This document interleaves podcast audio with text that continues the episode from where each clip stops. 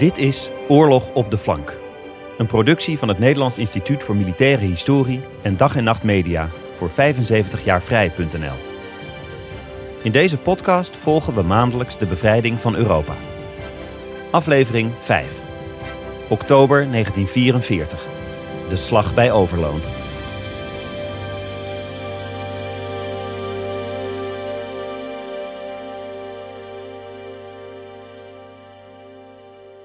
Operatie Market Garden was mislukt.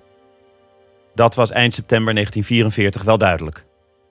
Geen geallieerde sprong over de Rijn dus. Niet home by Christmas. Wel was er, dankzij Market Garden, een forse deuk geslagen in het Duitse front, de Corridor genaamd. 80 kilometer diep, van de Belgische grens tot Nijmegen. Wat nu? De geallieerden moesten hun plannen bijstellen, dat kon niet anders. De smalle corridor was immers kwetsbaar vanwege de lange flanken. Dus moest veldmaarschalk Bernard Montgomery eerst Zuid-Nederland tot aan de grote rivieren schoonvegen. In moderne managementtaal zou zoiets een strategische uitdaging heten. Maar in ieder geval, de beslissende aanval op Duitsland moest wachten. Het humeur van Monty werd er niet beter op. En de Duitsers waren nog steeds niet van plan om zich zomaar naar de slachtbank te laten leiden. De hoogste baas aan het Westfront was veldmaarschalk Walter Model, bijgenaamd de brandweerman van Hitler. Weinig Duitse officieren hadden meer ervaring in het afstoppen van gaten in het front dan hij. Model dacht alweer aan tegenaanvallen, richting Den Bosch of Nijmegen. Hij gaf daarom opdracht aan de oostkant van de corridor een hechte verdedigingslinie te bouwen. Een Duitse uitvalsbasis in de ruime bocht die de Maas maakt ter hoogte van Venlo. Een gebied van 50 kilometer lang en 20 kilometer breed. De keuze voor de plek van deze uitvalsbasis aan de Maas was allesbehalve willekeurig. Veldmaarschalk Model deed niet aan willekeur. Daarvoor was hij te kundig en te ervaren. Het terrein was hier lastig voor elk oprukkend leger. Dit was de Peel. Moerassig, weken weidegrond doorsneden met riviertjes, sloten en beken. En soms met zware bebossing. En met slechts twee serieuze verkeerswegen. De weg van Venray naar Deurne en de weg van Venray naar Overloon.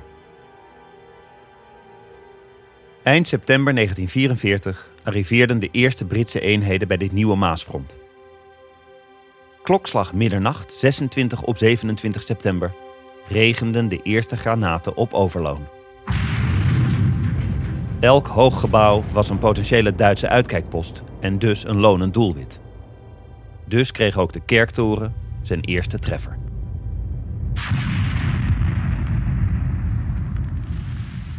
Onmiddellijk evacueren, bevalen de Duitsers intussen.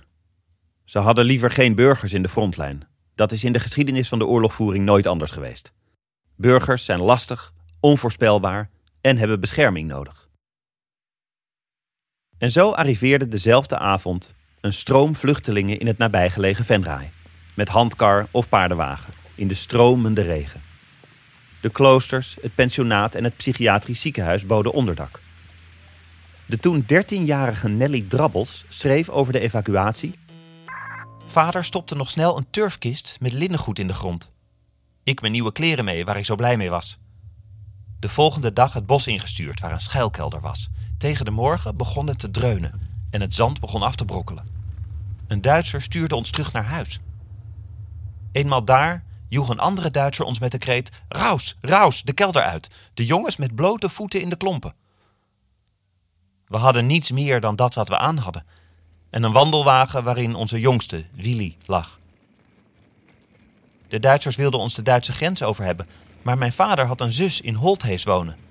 Daar zijn we heen gelopen. Dat was een triest gezicht. Er waren mensen die nog een paard en kar of een kruiwagen met spullen hadden. Maar velen hadden niet veel meer. En wij hadden helemaal niets. Intussen kwam de Britse commandant, generaal-majoor George Roberts, tot de conclusie dat hij toch echt meer troepen nodig had voor de aanval op Overloon, Venray en tenslotte Venlo. Deze versterking kwam er in de vorm van de Amerikaanse 7e tankdivisie. Maar die kwam wel van ver. Ze volgde bij de Franse stad Metz, 250 kilometer verderop, Na twee stevige dagmarsen arriveerden de Amerikanen in de Peel.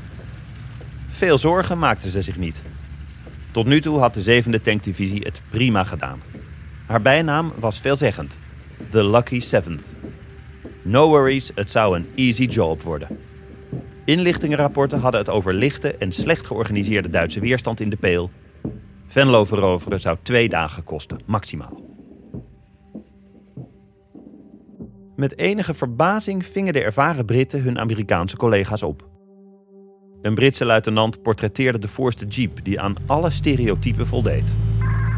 De chauffeur, gebruikelijke sigaar in de mondhoek, had zijn vingertoppen losjes op het stuur en bediende de koppeling.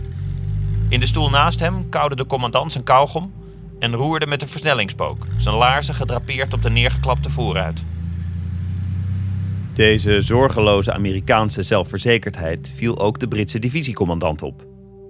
Toen hij zijn Amerikaanse collega van de 7e tankdivisie waarschuwde voor lastig terrein en een taaie vijand, antwoordde de Amerikaan: Och, we voeren gewoon de druk even stevig op. We'll turn on the heat. En dan zijn we in een vloek en een zucht in overloon. Maar aan de andere kant van de frontlijn waren de Duitsers inmiddels volledig op de hoogte van de komst van de Amerikanen. Ze vingen de eerste aanval, die 30 september begon, op met mijnenvelden, Panther-tanks en hun geduchte 88 mm kanonnen, door de geallieerden AT-8's genoemd. En met de gevreesde Nebelwerfers, raketwerpers die deden denken aan de Stalin-orgels van het Oostfront.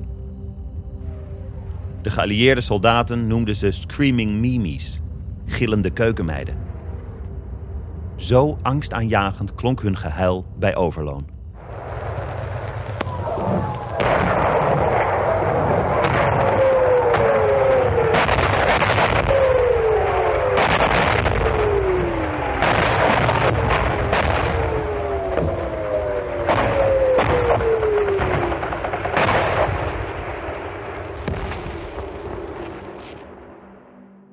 Intussen waren Britse en Amerikaanse jachtvliegtuigen vanuit de lucht driftig op zoek naar Duitse doelen, zoals de dodelijke AT-8's. Onder deze vliegtuigen ook de Hawker Typhoons. A powerful punch is added to the ground strapping by these new rocket-firing Typhoons. Their deadly missiles have proved even more effective than dive bombing. The planes propel their charge at terrific speed. The rocket itself has much greater weight and penetrating power than any shell hitherto fired by fighter planes. An automatic camera records the deadly results of the new flying artillery, a wholly new kind of aerial warfare.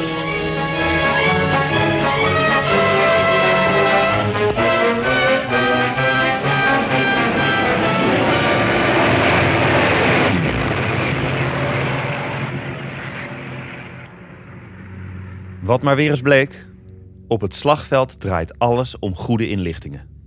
Van nog een ding waren de Amerikaanse commandanten namelijk niet op de hoogte. Het verdekt opgestelde 88 mm kanon bij kasteel Hattert, langs de weg Vierlingsbeek-Overloon. De tyfoons werden erbij geroepen en binnen enkele minuten was het kasteel een ruïne. Maar toen was de Amerikaanse aanval al mislukt.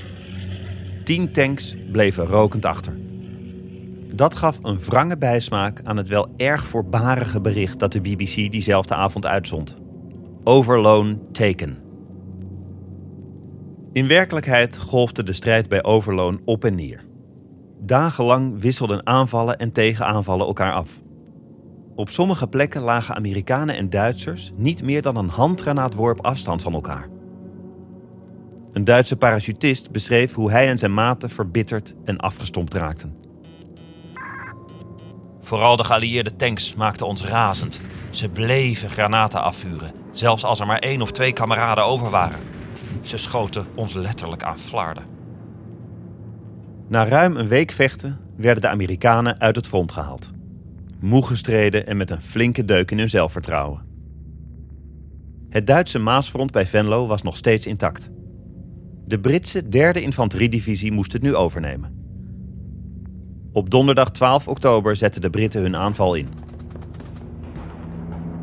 Die ochtend vielen meer dan 25.000 granaten op overloon. Uit de lopen van 200 kanonnen. Anderhalf uur lang. Van het bombardement bestaan unieke geluidsopnames.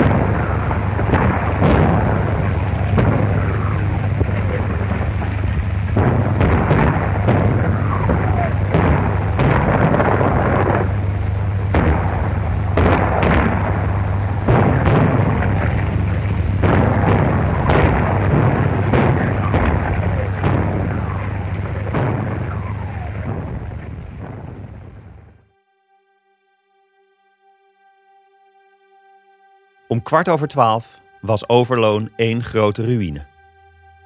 Een bewoner noteerde een paar dagen later: Geen boompje is meer heel. Totaal kapotgeschoten bomen en soldaten is het eerste wat ik zie. Een kruisbeeld steekt nog boven de puinhopen uit. Het mogen duidelijk zijn: de gevechten waren fel. Een Duitse granaat raakte de Sherman-tank van de Britse korporaal Don Howard. De granaat sloeg in vlak voor de boordschutter, sergeant Persons. Het projectiel ging dwars door Persons heen en explodeerde tussen onze munitievoorraad. Een verblindende flits, een oranje vuurbal. Mijn gezicht en lichaam verbrand. Soms was het één soldaat tegen één tank. Een Duitse sergeant vertelde hoe een Britse tank hem ontdekte. Ik kroop in een schuttersputje, maar dat was niet diep genoeg. De tankbemanning had me kunnen afmaken met het machinegeweer, maar ze besloten me te verpletteren in mijn schuttersputje. Ik wachtte tot het laatste moment. Toen de tank vlakbij was, vuurde ik mijn panzerfaust. Ik raakte zijn rupsband vlak voordat hij over mijn been reed. Die dag verloor de compagnie van de Duitse sergeant 87 man.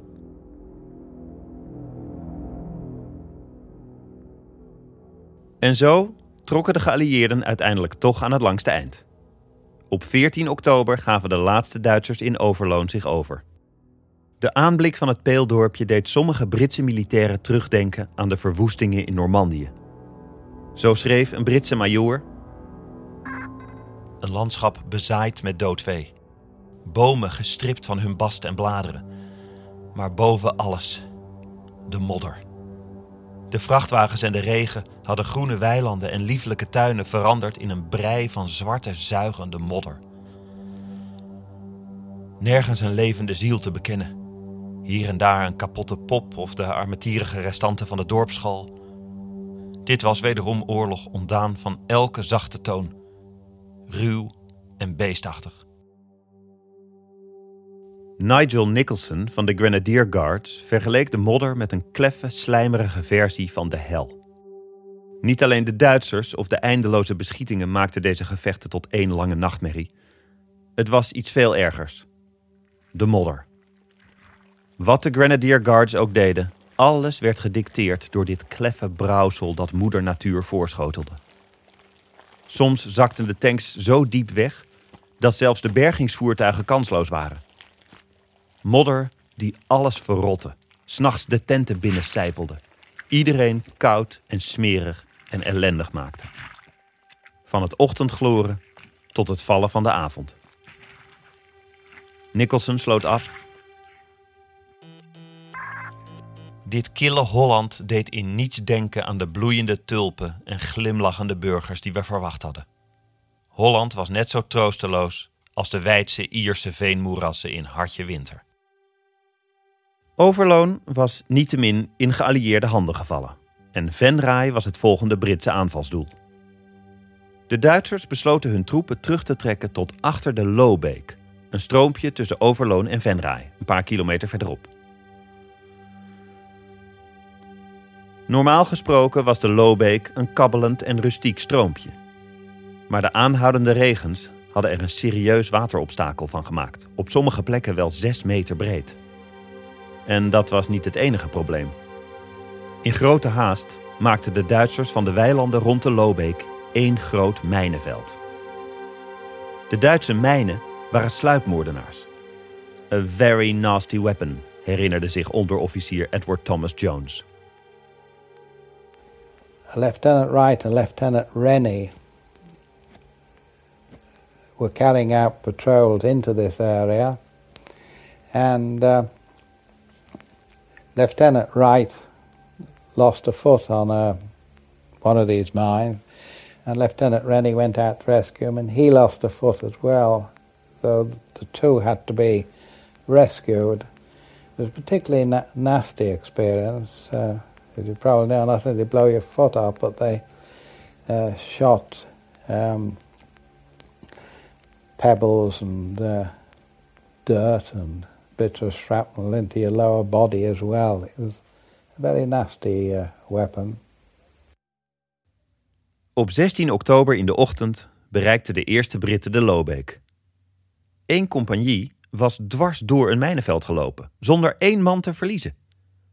Blijkbaar werkt de wet van Murphy soms ook omgekeerd. De eerste infanteristen staken de beek over. Ook de tanks van de Coldstream Guards bereikten de overkant. Maar daar liepen ze vast in de modder. Het verbaast al niet meer.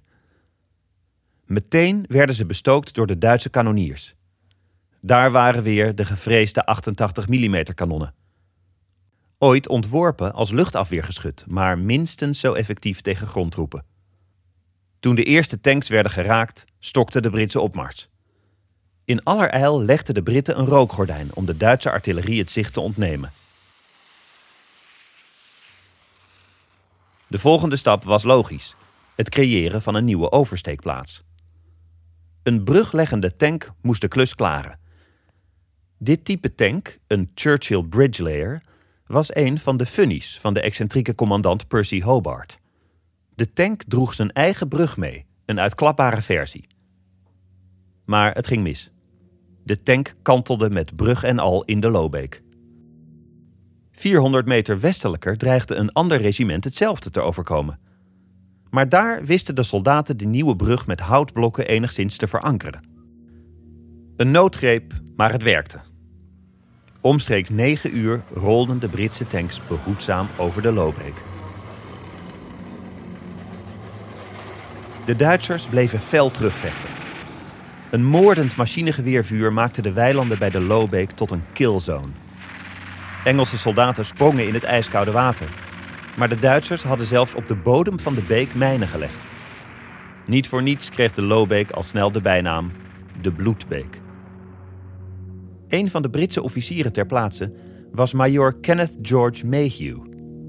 Mede vanwege deze gevechten verdiende hij de militaire Willemsorde, de hoogste Nederlandse dapperheidsonderscheiding. Mayhew herinnerde zich. We rukten op over open terrein, vlak na de artilleriebarrage. Er vielen slachtoffers. Niet alleen door de vijandige artillerie, maar soms ook door onze eigen granaten die net tekort vielen. Daarom zorgde ik er altijd voor dat mijn aanwijzingen via de radio zeer, zeer nauwkeurig waren. Er viel Kenneth Mayhew nog iets op. In de weilanden hadden de Duitsers ook zogenaamde shoeminen gelegd. Kleine antipersoneelsmijnen.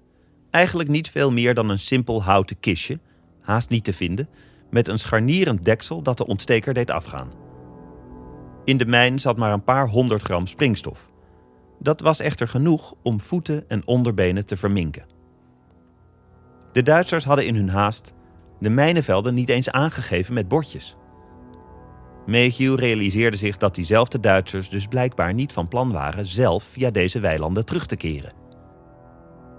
Op een bepaald moment kon Mayhew geen kant meer op. Hij vertelt: Ik probeerde uit alle macht de aandacht te trekken van enkele van onze tanks in de buurt. Tanks hadden van shoemijnen geen last. Uiteindelijk kwamen ze inderdaad helpen. Dit was een van de gruwelijkste episodes uit mijn leven. Het gevecht om de Loobeek was een urenlange nachtmerrie. Steeds weer ploeterden soldaten door het open veld, constant bestookt door sluipschutters en artillerie. Tanks bleven vastraken in de modder en werden zo direct een lonend doelwit voor de Duitse kanonnen. Maar stukje bij beetje lukte het de Britten toch om vaste voet op de andere oever van de Bloedbeek te krijgen. Een paar kilometer verderop lag Venray. In rustiger tijden een kalm plattelandstadje. In oktober 1944 het doelwit van zware bombardementen. In het centrum staat de Sint-Petrus-Bandenkerk, de wachter van de peel. Dat was nu het belangrijkste doelwit in de omgeving. Vanuit de toren hadden Duitse militairen uitstekend zicht over het slagveld. Ze gaven doelen door aan hun artillerie. Op 14 oktober vuurden 36 Typhoon gevechtsvliegtuigen daarom bijna 300 raketten af op de kerktoren. Ook de Britse artillerie deed een duit in het zakje. En dan ook nog eens tientallen Marauder bommenwerpers. Het gedreun van de vliegtuigen vermengde zich met het ritmische kabaal van de kanonnen.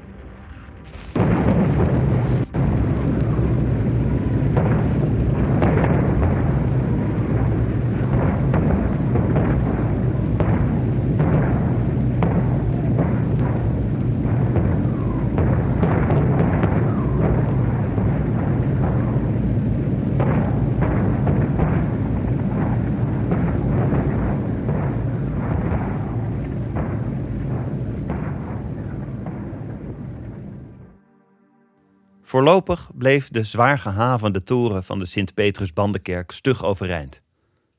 Dat trok zelfs de aandacht van de Britse krant The Daily Mail, die op 16 oktober als kop had Church Tower halts Dempsey. De verwijzing was naar generaal Miles Dempsey, de commandant van het Tweede Britse leger. Eén kerktoren die een heel Brits leger tegenhield. Het moest niet gekker worden. Maar uiteindelijk bezweek de toren toch onder het aanhoudende geweld.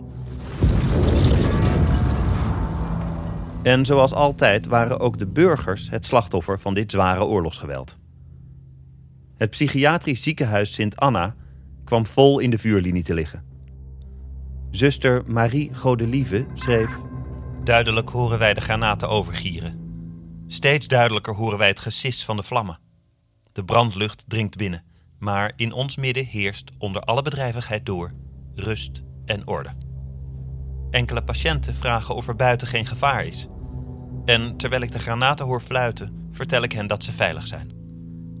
Tevreden laten zij zich wegbrengen van het ene gevaar in het andere. Ik sta beneden aan de trap, als een kapitein op een zinkend schip. Maar dit keer kozen de Duitsers al snel eigen voor hun geld. Een inwoner beschreef de aftocht van de laatste Duitsers uit Venray. Een tankcommandant schreeuwde vanaf zijn geschutskoepel: Wij zijn de laatste Duitsers. Na ons komen de Tommies, de Engelsen. Voor jullie is de oorlog voorbij, maar blijf in je kelder. Het is nu nog te gevaarlijk. Op 18 oktober was ook Venray bevrijd. En toen?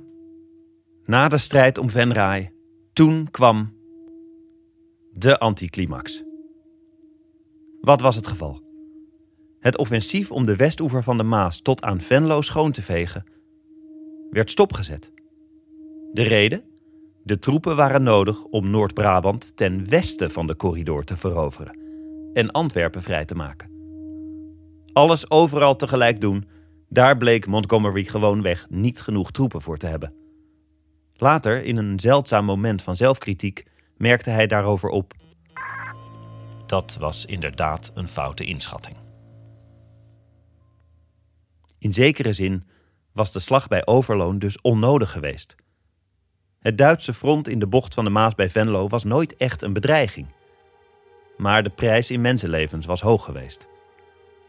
Al snel werd de parallel met de Normandische stad Caen getrokken.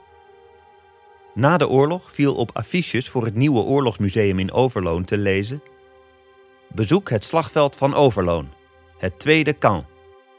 Ook Caen was na de geallieerde invasie van Normandië in juni 1944 in puin geschoten en gebombardeerd. Ook dat was een staaltje geallieerde brute force geweest. Een overdaad aan bommen en granaten, maar zonder veel direct operationeel nut. Zo had de bevrijding van Overloon voor de bevolking een wrange nasmaak gekregen. Een getuige schreef later in zijn dagboek: In maart 1945 bracht ik mijn eerste bezoek aan Overloon. Niets stond meer overeind. Overal witte kruisen. Killed in action of Gevallen voor Duitsland staat erop te lezen. Thans, mei 1946, worden in de bossen nog de lijken gevonden van gesneuvelden. Nog één punt is de moeite van het vermelden waard. De slag bij Overloon ging al snel de geschiedenisboekjes in als de enige echte tankslag op Nederlandse bodem. En inderdaad, de geallieerden zetten veel tanks in: Shermans, Cromwells en Churchills. Daartegenover stonden de Duitsers met hun pantertanks. Maar daarvan waren er nooit meer dan een stuk of tien in de frontlinie te vinden. Sterker nog, Duitse soldaten klaagden dat de tanks zo schaars waren dat hun commandanten ze schielijk terugtrokken zodra de risico's te groot dreigden te worden, waardoor de infanteristen er dus alleen voor stonden.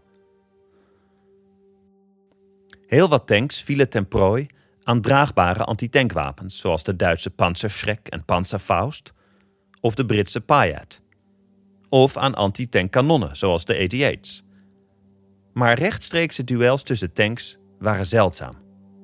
Dus als we nauwkeurig willen zijn, was er van een echte tankslag bij Overloon geen sprake.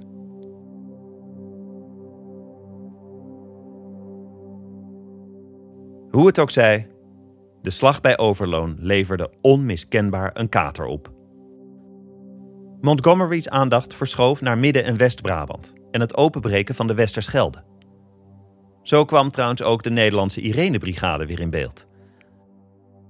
Een Ireneman schreef op 16 oktober 1944 schijnbaar opgelucht vanuit Nederasselt, net onder Nijmegen. Er komt beweging in.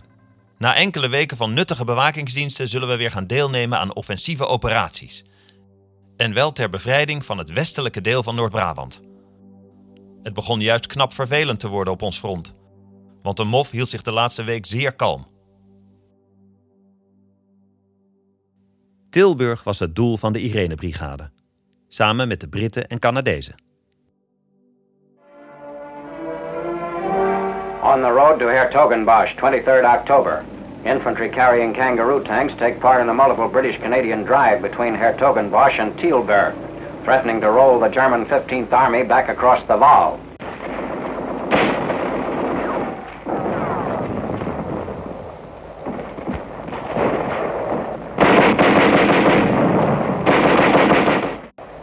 In three days, the offensive, which had opened 22nd October on a 12-mile front, widened to cover a 50-mile front.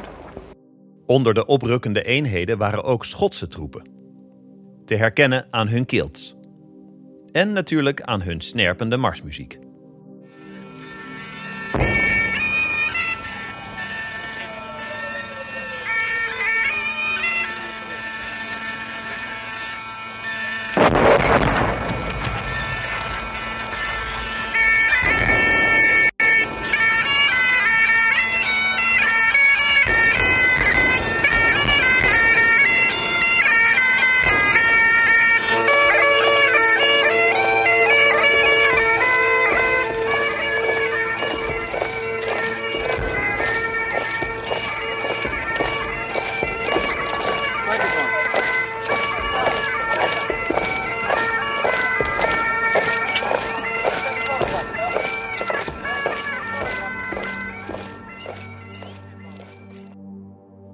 27 oktober was Tilburg in geallieerde handen. Een Ireneman zei daarover: Ik baal nog steeds dat wij Tilburg niet als eerste mochten intrekken samen met de Schotten. Wij waren echt als eerste voor Tilburg. Wij hebben eigenlijk Tilburg bevrijd. Die Schotse commandant riep niet voor niets op het bordes van het gemeentehuis: Jullie moeten ons niet bedanken, maar de Irene-brigade. En zo rolde Montgomery's legergroep in oktober 1944 gestaag door Midden- en West-Brabant richting de grote rivieren. Nog verder noordwaarts oprukken was voorlopig niet de bedoeling. Verder naar het westen, achter Bergen op Zoom, daar wachtte eerst nog een andere cruciale klus. Want de fronteenheden waren nog steeds afhankelijk van veel te lange aanvoerlijnen vanuit Normandië. terwijl Antwerpen een grote haven had en in Britse handen was. Maar de Westerschelde nog niet. De toegangspoort tot de wereldhaven van Antwerpen. Een haven die de geallieerden keihard nodig hadden om Hitlers Derde Rijk definitief te breken. Het Duitse opperbevel snapte al even goed hoe belangrijk Antwerpen was. Hitler gaf het bevel om de Westerschelde tot de laatste snik te verdedigen. En dus groef de Duitse weermacht zich in en maakte zich op voor de beslissende slag om de Westerschelde. Voor de geallieerden liep de weg er naartoe door Zeeland. Welke uitdagingen bood het ruwe, uitgestrekte Zeeuwse landschap? Welke trucs hadden de Canadese bevrijders allemaal in petto? En waarom is deze o zo belangrijke slag de geschiedenisboeken ingegaan als de vergeten slag? Luister voor de antwoorden naar aflevering 6 van Oorlog op de flank.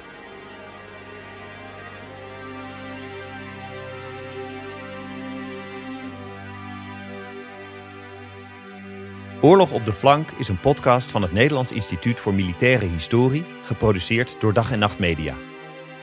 De podcast is onderdeel van de multimediale Ode aan de Vrijheid.